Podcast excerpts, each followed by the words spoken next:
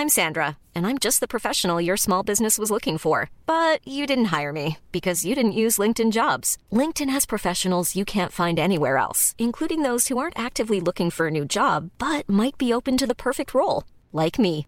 In a given month, over 70% of LinkedIn users don't visit other leading job sites. So if you're not looking on LinkedIn, you'll miss out on great candidates like Sandra. Start hiring professionals like a professional. Post your free job on linkedin.com/people today. Hold up. What was that? Boring. No flavor. That was as bad as those leftovers you ate all week. Kiki Palmer here, and it's time to say hello to something fresh and guilt-free. Hello Fresh. Jazz up dinner with pecan-crusted chicken or garlic butter shrimp scampi. Now that's music to my mouth. Hello Fresh. Let's get this dinner party started. Discover all the delicious possibilities at hellofresh.com. Wow. Nice. Yeah. What you're hearing are the sounds of people everywhere putting on Bombas socks, underwear, and t-shirts made from absurdly soft materials that feel like plush clouds. Yeah, that plush. And the best part? For every item you purchase, Bombas donates another to someone facing homelessness. Bombas. Big comfort for everyone. Go to bombas.com slash ACAST and use code ACAST for 20% off your first purchase. That's bombas.com slash ACAST. Code ACAST.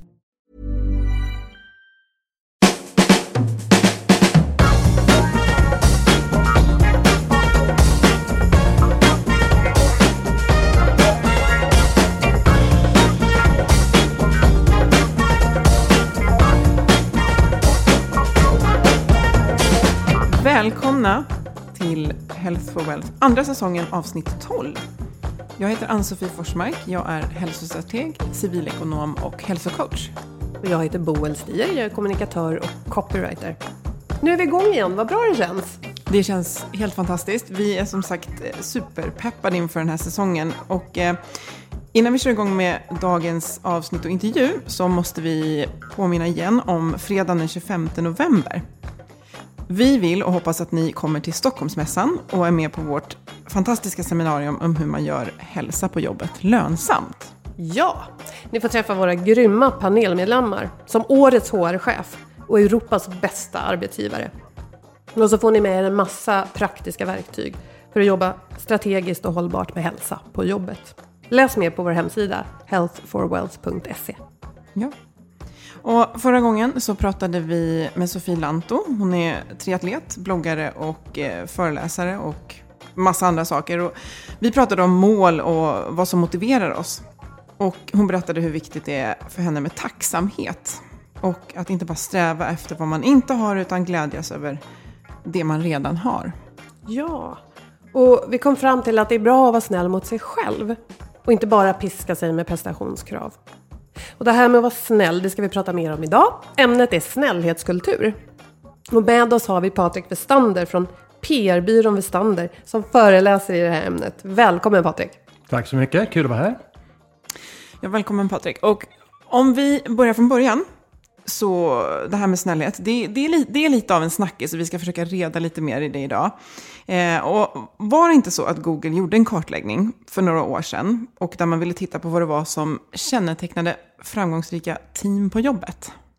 Eh, Den känner jag svagt till. Att jag har ju läst på en del om Google in- inför att jag låtit mig inspireras i mitt jobb som vd för en PR-byrå. Alltså ett kunskapsföretag som i det avseendet är väldigt likt Google som framgångsrikt kunskapsföretag.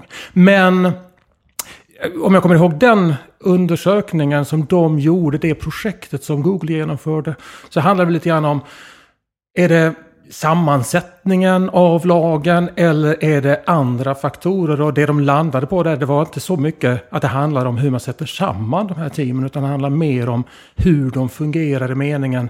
Känner man empati? Eh, Ger man utrymme åt alla deltagare i laget att, att eh, prata? Alltså delaktigheten, samhörigheten, att vara det som i väldigt hög grad ledde till effektivitet. Om jag kommer ihåg rätt. Ja. Och, det, och jag vet också att det har så att säga, översatts lite grann till att benämnas snällhet i och åtminstone några, några artiklar som jag har läst. Mm, ja, men jag, jag har läst lite om den också. Och det är eh, någonting som jag trodde var startpunkt för att man bör prata om det här. Men det kanske är något helt annat.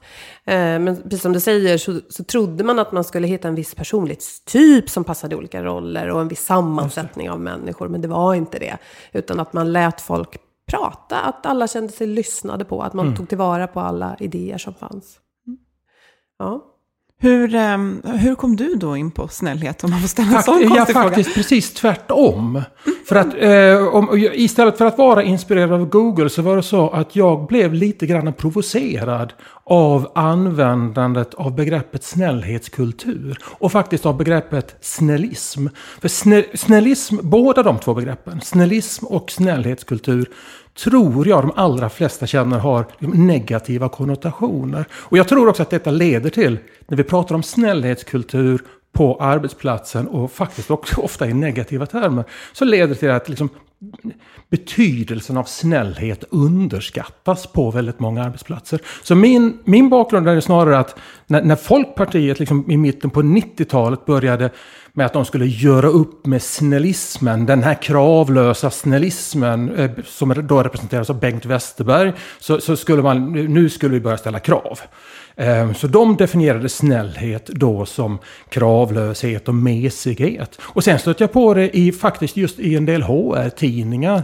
När Svenska kyrkan har diskuterat vad är det som gör att Svenska kyrkan får en del negativ uppmärksamhet kopplat till personalkonflikter. Och då vet jag att Arbetsmiljöverket liksom lanserade tanken om att ja men det är nog Svenska kyrkans snällhetskultur. Och sen har de själva tagit till sig det här begreppet. Så att till och med ärkebiskopen i en intervju, och detta var väl ett, ett och ett halvt år sedan, pratade om liksom Svenska kyrkans snällhetskultur som någonting negativt. Det vill säga man sopade personalproblem under mattan. Så när, när jag läste den intervjun så tänkte jag, och jag har oerhört höga tankar om Antje Jackelén, så det är inte det. Men, men just att man använder det begreppet negativt. Det, blev, då, då, det slog mig då att här finns det ju definitivt ett utrymme och, och ett, faktiskt ett behov av att börja prata om snällhet på arbetsplatsen i positiva termer. Alltså inte konflikträdsla, inte mesighet, inte kravlöshet.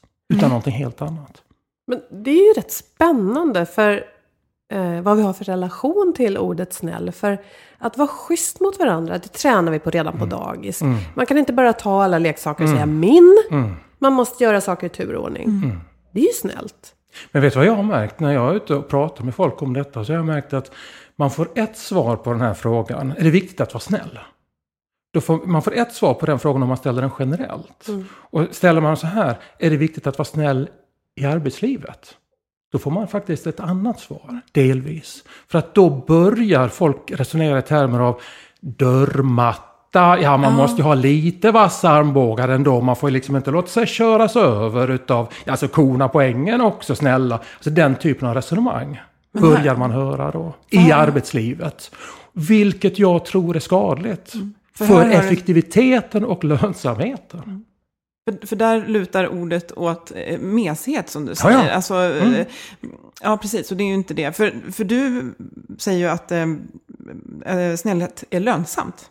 effektivt och lönsamt. Och då tänker jag framförallt, alltså mi- mina referensramar är ju kunskapsföretaget. Ehm, det är ett företag liksom som inte ägnar sig åt standardiserad serieproduktion utav, utav produkter och tjänster så, utan ett, ett, ett modernt kunskapsföretag som i väldigt hög grad är beroende av medarbetarnas kompetens, kreativitet, engagemang för att nå ekonomiska framgångar. Och då är det oerhört viktigt med snällhet, menar jag. Och då, men då är det kanske viktigt att, att liksom definiera begreppet snällhet. För om snällhet nu inte är mesighet, och det vill jag då bestämt hävda att snällhet är inte mesighet, åtminstone inte så som jag definierar det. Och vi definierar när vi pratar om en lönsam snällhetskultur. Vad är då snällhet? Och då tänker jag, om vi går tillbaka till det här med vad får man med sig på dagis? Ja, där får man ju med sig detta att behandla andra som du själv vill bli behandlad. Att vilja andra väl, det är ju definitionen av snällhet i det sammanhanget. Men sen blir den en annan när vi kommer ut i arbetslivet, näringslivet, ko- konstigt nog. Så vi lär alltså barnen något som vi sen inte lever upp till i praktiken. Det är Lite- konstigt redan li- där. Lite grann glömmer bort för att vi tänker att ja men sen blir det viktigt att börja konkurrera också. Är det så att vi på något sätt förutsätter att vi får med oss det här med modersmjölken och sen när vi ska ut i den här prestationsinriktade eh, världen, då gäller det att ha vassa armbågar. Och så förutsätter man att snällheten ändå finns som en plattform. Jag har fått väldigt många olika reaktioner när vi har så att säga, lanserat det här begreppet den lönsamma snällhetskulturen. Det finns de som har ringt och undrat, alltså journalister exempelvis. Journalister uppskattar tydligen detta. Jag gissar att, att det var lite grann bakgrunden till att ni hörde av er också, att ni tyckte att det där lät ju intressant, lönsam snällhetskultur.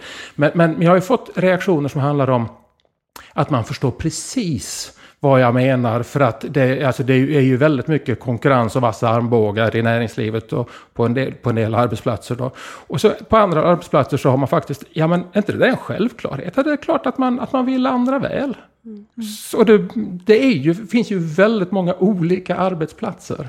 Ehm, och, och det jag brukar säga, att det, de som jag tycker ska tänka på detta med systematiskt snällhetsarbete, det är inte, alltså för det första är det kunskapsföretaget. Det, det är kanske är viktigt att säga också, för det är mina referenser, men det är där det är väldigt, väldigt viktigt när man ska samarbeta med varandra och när man har det här när man måste ha väldigt mycket utrymme eh, kollegor emellan att välja samarbete eller inte samarbete, välja att fördjupa samarbete eller inte göra det.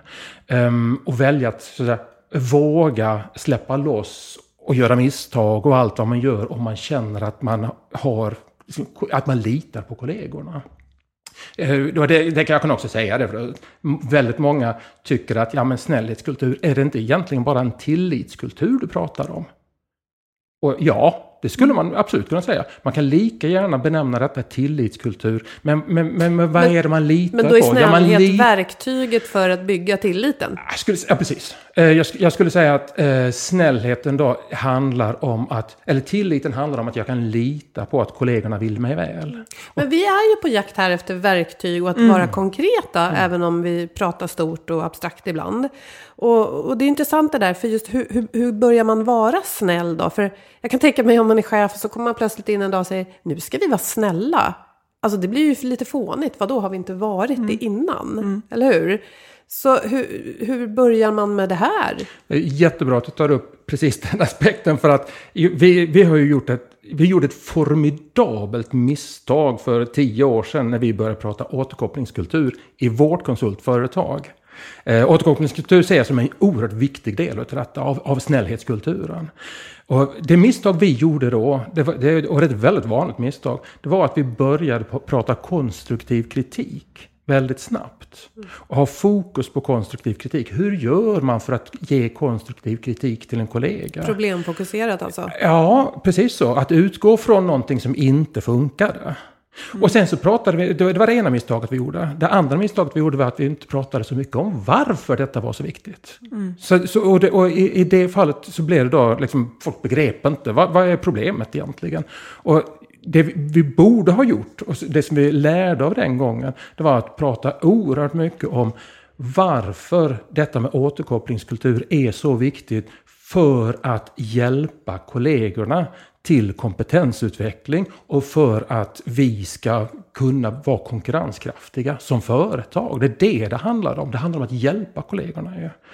Ehm, men men eh, sen, sen därutöver så liksom, vi, vi, vi började prata om snällhetskultur nu för ungefär ett år sedan. Och, och då, jag kan ju nämna detta att vi har ju aldrig fått en så enormt stark respons som när vi eh, lanserade den första frukostklubb på det här området. Så den lönsamma snällhetskulturen. Vi brukar normalt fylla våra frukostseminarier. Men, men här var alltså över 200 personer som anmälde sig. Vi kunde ta in knappt, knappt 100.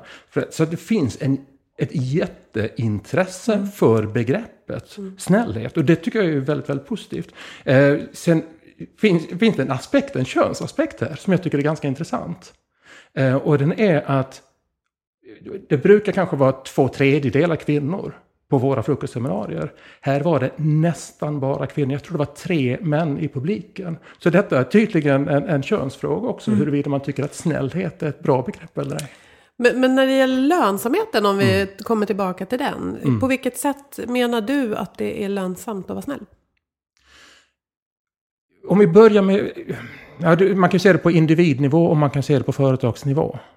Om vi börjar på individnivå så, så menar jag att detta med att ha ett fokus på konkurrens och vassa armbågar och informationsmonopolisering och allt. Att, att göra sig oumbärlig, försöka göra sig oumbärlig i en organisation som är ett, ett verkligt liksom, effektivt fungerande kunskapsföretag. Det är helt fel strategi.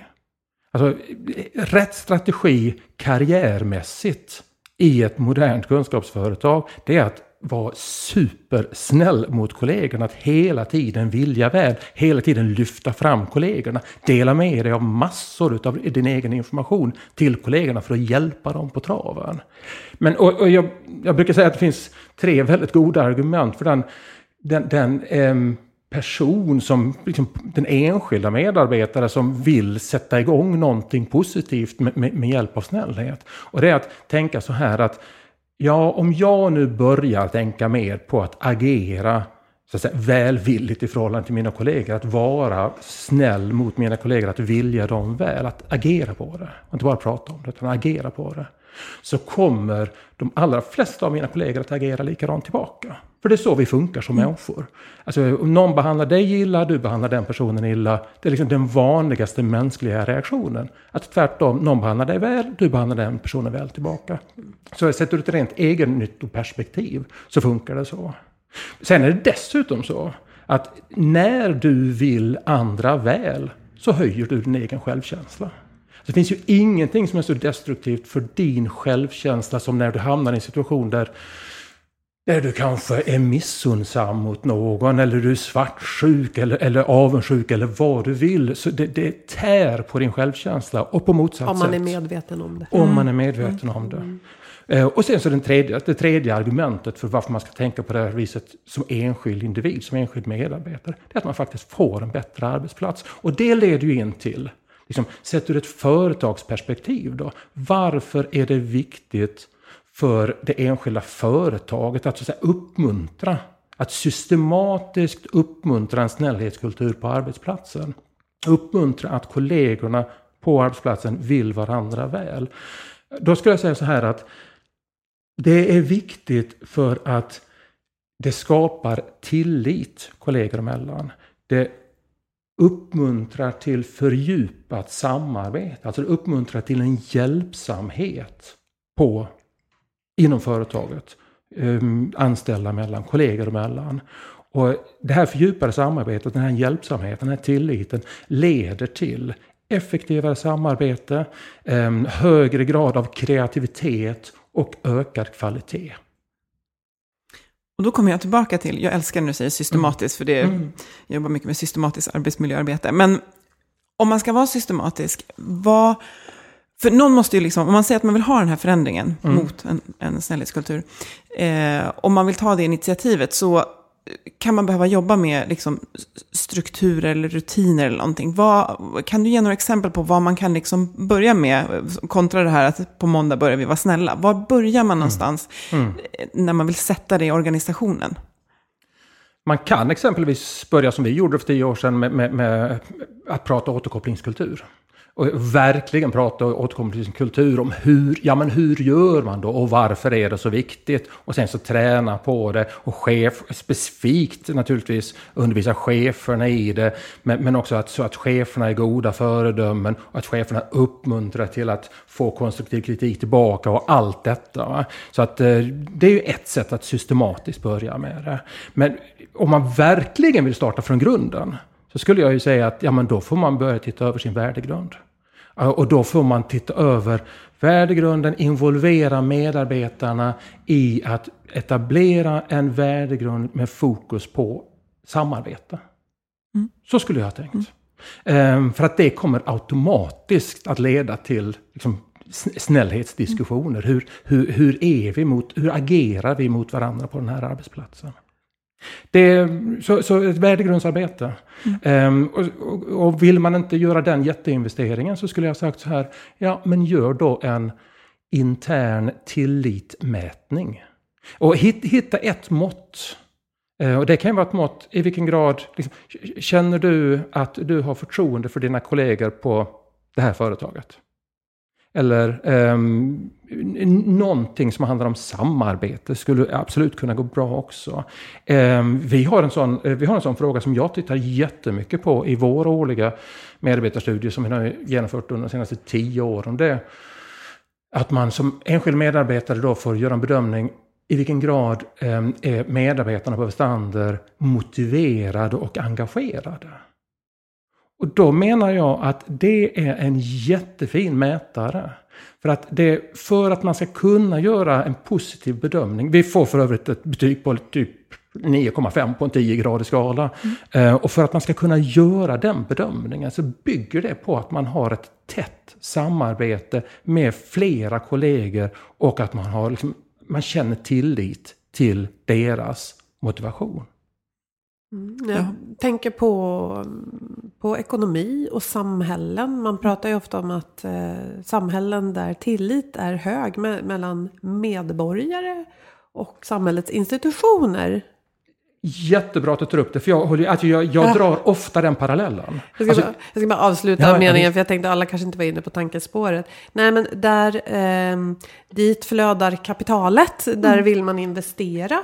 Eh, transaktionskostnaderna i ett sådant samhälle är låga. Mm. För om jag tar en kontakt med myndigheten så är det inte så stor risk att jag till exempel hamnar i fängelset. Utan det är istället ganska stor chans att jag får hjälp med mitt problem. Eh, Och jag tänker att det, det där skulle man kunna applicera på företaget också. Absolut, jag håller till 100% med. Alltså om, om jag ska, liksom, vad är ett välfungerande samhälle? Eller vad är en välfungerande organisation eller ett välfungerande företag? Då tänker jag att förtroendekapitalet, det interna förtroendekapitalet, litar vi på varandra? Litar vi på medmänniskorna? Här utmärker sig ju Sverige extremt i ett internationellt perspektiv. Alltså, lite drygt 6 av 10 svenskar säger att man i allmänhet kan lita på folk. Och, och det är faktiskt, alltså om du jämför med, med sydeuropeiska länder så handlar det- snarare om, om de 10 procent som, som säger att ja, man kan lita på folk i allmänhet. Då borde vi svenskar vara bra på det här med snällhet. Vi borde ha goda är- förutsättningar. Vi borde ha extremt goda förutsättningar och jag tror vi har det. Alltså jag tror att, jag menar ju att svenska företag, många stora företag utmärker sig genom att vara just extremt välfungerande. Har du något exempel på ett företag eller flera som du tycker använder det här med snällhet idag? Antingen de kallar det för det eller inte. Jag har ju inte det. Eh, Jag, jag kan inte säga att jag så här. eh, Jag, alla företag eh, pratar om samarbetskultur. Det finns ju inte ett kunskapsföretag som inte pratar om samarbetskultur. Sen är det inte kanske lika många som pratar om tillitskultur. Och så är det förtvivlat få som begrepp, nämner begreppet snällhetskultur. Att vi nämner det är ju lite grann för att provocera fram en en reaktion som innebär att man ser värdet av det. För att jag tänker att när begreppet snällhet urholkas, att, att, det att man börjar associera det med mesighet och kravlöshet och konflikträdsla och allt detta, så riskerar det att man underskattar betydelsen på arbetsplatser. För det jag hör när du har berättat vilka strukturer man kan jobba med, det är ju mycket det som vi har tagit, alltså det är så här kommunikation, delaktighet, delad vision, feedback. Så att eh, det går ju att använda sånt som man kanske inte har på, man har det på plats i alla fall, strukturerna. Men man börjar skruva på dem utifrån den här ansatsen med återkopplingskultur, sa du, eller hur? Absolut. Ja, mm. Alltså jag kan ge, jag kan ge liksom två konkreta exempel på vad jag brukar i olika sammanhang nämna också. Lönepolicyn. Hur ser den ut egentligen? För det, alltså här har, vi, vi har exempelvis en lönepolicy som består av fyra olika delar. Där den första delen bara handlar om liksom din egen fakturering. Vi är ju ett konsultföretag då. Mm. Men, och den är högst prioriterad. Men sen kommer tre lönekriterier till, väl definierade. Och alla de tre handlar i någon mening om samarbete. Så att man måste ju exempelvis ha en incitamentstruktur som verkligen uppmuntrar till samarbete så att man inte pratar om samarbete och vikten av att vi verkligen litar på varandra och jobbar bra ihop och samtidigt har en ekonomisk incitamentstruktur som underminerar möjligheterna till det. Um, vi, vi, har exempelvis också, och det här är faktiskt bara för att vi tror att det är lönsamt för ägarna, vi har också vinstdelning. Mm. Alltså 40 procent av vårt rörelseresultat går rakt tillbaka till de anställda, lika för alla anställda för att vi vet att det skapar en enorm samhörighetskänsla. Och det är ju för att vi tror att det leder till att vi jobbar så mycket effektivare. Alltså vi jobbar mer resultatorienterat men vi jobbar också mycket, mycket effektivare i samarbetsrelationerna med kollegorna. Det, säga, vi, det kommer in en nyanställd kollega. Och då skapar vi ett plånboksincitament för att alla ska vilja tycka att det är viktigt att den här personen kommer in i jobbet så fort som möjligt och bidrar. Och inte att det är ett hot som kanske imorgon tar över ditt jobb eller? Precis så. Mm. Precis. Mm. Mm. Men, det var, men det var det första exemplet. Jag, jag, sa, jag sa väl att jag hade två. Ska vi säga, vad, vad tänkte jag på då? Jo, jag, tänk, jo, jag tänkte, oh, det här, det här var ett ganska bra exempel. Om man nu vill ha ett superkonkret exempel på hur man kan eh, starta detta imorgon som företag, ja då kan man ju till exempel ha med i liksom, frågebatteriet när du rekryterar folk. Vi har gjort detta de senaste tio åren. Den sista frågan och nu är det inte bara jag som rekryterar längre i företaget, men jag måste ha ställt den här frågan liksom, långt över hundra gånger. Den sista frågan jag alltid ställer i ett liksom 45 minuters intervju, första jobbintervjun, så ja, eh, i, i, i, vilken grad skulle du säga att du är en snäll person? Och, och snällhet, vad, vad betyder det för dig?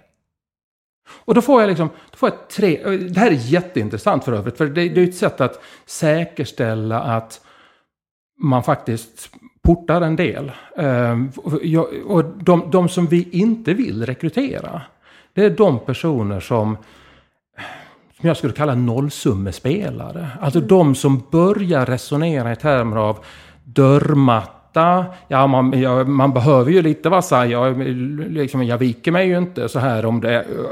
Den typen av resonemang. Allt som handlar om mesighet. Och det är nästan, det är nästan en tredjedel av de som jag frågar. Så, som ger svar i den riktningen.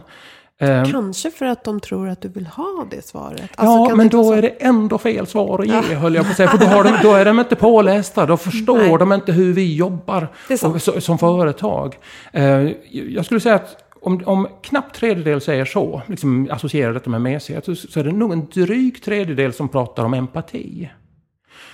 Och det kan man väl delvis tycka är rätt svar, höll jag på att säga. För att, eh, alltså, men då pratar man mest om liksom, snällhet lite grann som personlig egenskap. Och att, att ja, när, när kollegor har det jobbigt på jobbet så, så, så, så är jag där och, eh, liksom, och frågar hur det går. Alltså lite, lite grann medkänsla i motgång. Det är egentligen inte det jag är ute efter heller. Jag är ute efter någonting som Ja, som faktiskt är liksom, behandla andra som du själv vill bli behandlad. Att För att det främjar tillit och samarbete Precis känns det som att du mm. vill till då. Precis så. Mm. Och, för, och för att det är bra för dig och för att det är bra för alla dina kollegor. Mm. Ja. Och för att alla får komma till tals, alla blir lyssnade ja. på. Ja. Eh, det betyder ju inte nödvändigtvis då, dock, att eh, man alltid går vidare med just eh, Patriks förslag idag och Annis imorgon. Inte på något vis. Inte på något. Alltså det är inte, jag pratar inte om otydlighet. Mm. Jag pratar, och det är också en sån sak som jag, jag brukar avråda. För det, det händer att dysfunktionella organisationer, dysfunktionella företag liksom vill ta tag i snällhetskulturen. Och det tycker jag inte de ska göra. Och vad jag menar med dysfunktionella mm. företag då? Alltså, företag som har problem med att de har till, till exempel otydliga ansvarsförhållanden internt. Företag som inte har ett tydligt syfte med verksamheten. Företag som inte har tydliga mål. Alltså där här ramverket inte Varför, finns på plats. Frågan. Mm. De, de, de, ska, ja precis, precis så. De ska inte komma och börja prata snällhet först. Utan de ska mm. först, mm. tycker jag, för det är helt fel fokus. De ska först få ordning och reda på det som är ramverket. Det här är det här är ett verktyg för det välfunger, redan välfungerande kunskapsföretaget som vill snäppa upp ytterligare. Som, som vill bli branschbäst snarare. Mm. Så skulle jag säga. Mm. Mm. Jag tänkte på, det låter väldigt logiskt det du säger. Eh, att om vi lyssnar på varandra, behandlar varandra väl, så blir vi mer kreativa, samarbete, främjar tillit eh, och då kan vi bli vassare än konkurrenten och ta mer betalt. Men har du något exempel på det? Ja, jag skulle kunna ange oss själva som exempel.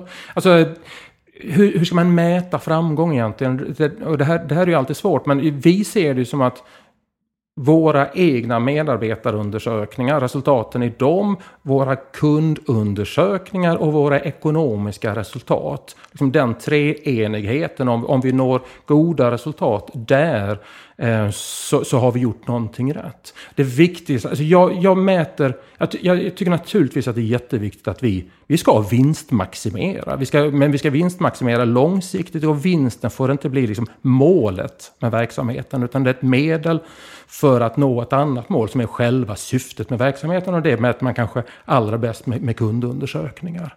I vårt fall lyckas vi, är vi effektiva i att bidra till att fler deltar i samhällsdebatten.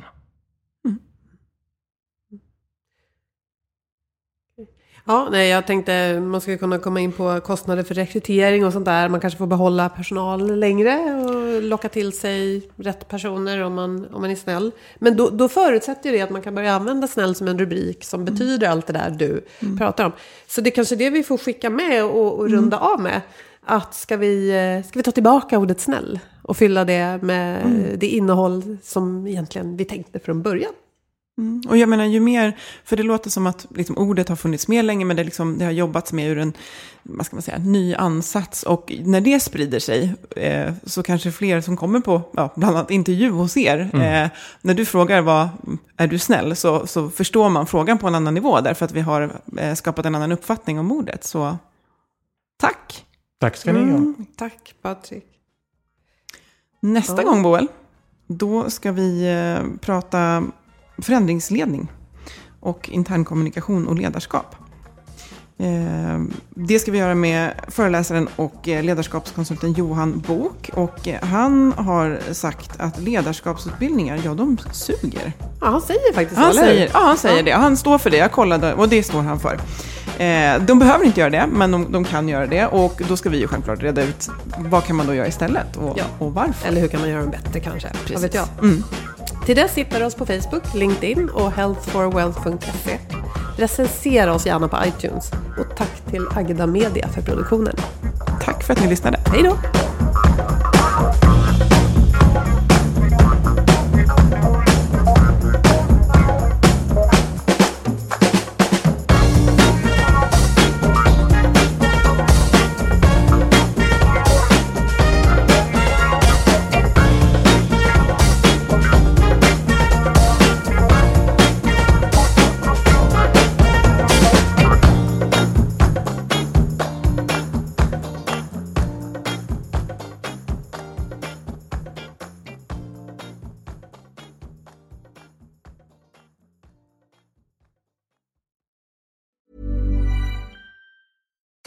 I'm Daniel, founder of Pretty Litter. Cats and cat owners deserve better than any old fashioned litter. That's why I teamed up with scientists and veterinarians to create Pretty Litter. Its innovative crystal formula has superior odor control and weighs up to 80% less than clay litter. Pretty Litter even monitors health by changing colors to help detect early signs of potential illness. It's the world's smartest kitty litter. Go to prettylitter.com and use code ACAST for 20% off your first order and a free cat toy. Terms and conditions apply. See site for details. Ever catch yourself eating the same flavorless dinner three days in a row? Dreaming of something better? Well, HelloFresh is your guilt free dream come true, baby. It's me, Gigi Palmer. Let's wake up those taste buds with hot, juicy pecan crusted chicken or garlic butter shrimp scampi. Mm. Hello Fresh. Stop dreaming of all the delicious possibilities and dig in at HelloFresh.com. Let's get this dinner party started. Even when we're on a budget, we still deserve nice things. Quince is a place to scoop up stunning high end goods for 50 to 80% less than similar brands. They have buttery soft cashmere sweaters starting at $50, luxurious Italian leather bags, and so much more. Plus, Quince only works with factories that use safe, ethical, and responsible manufacturing.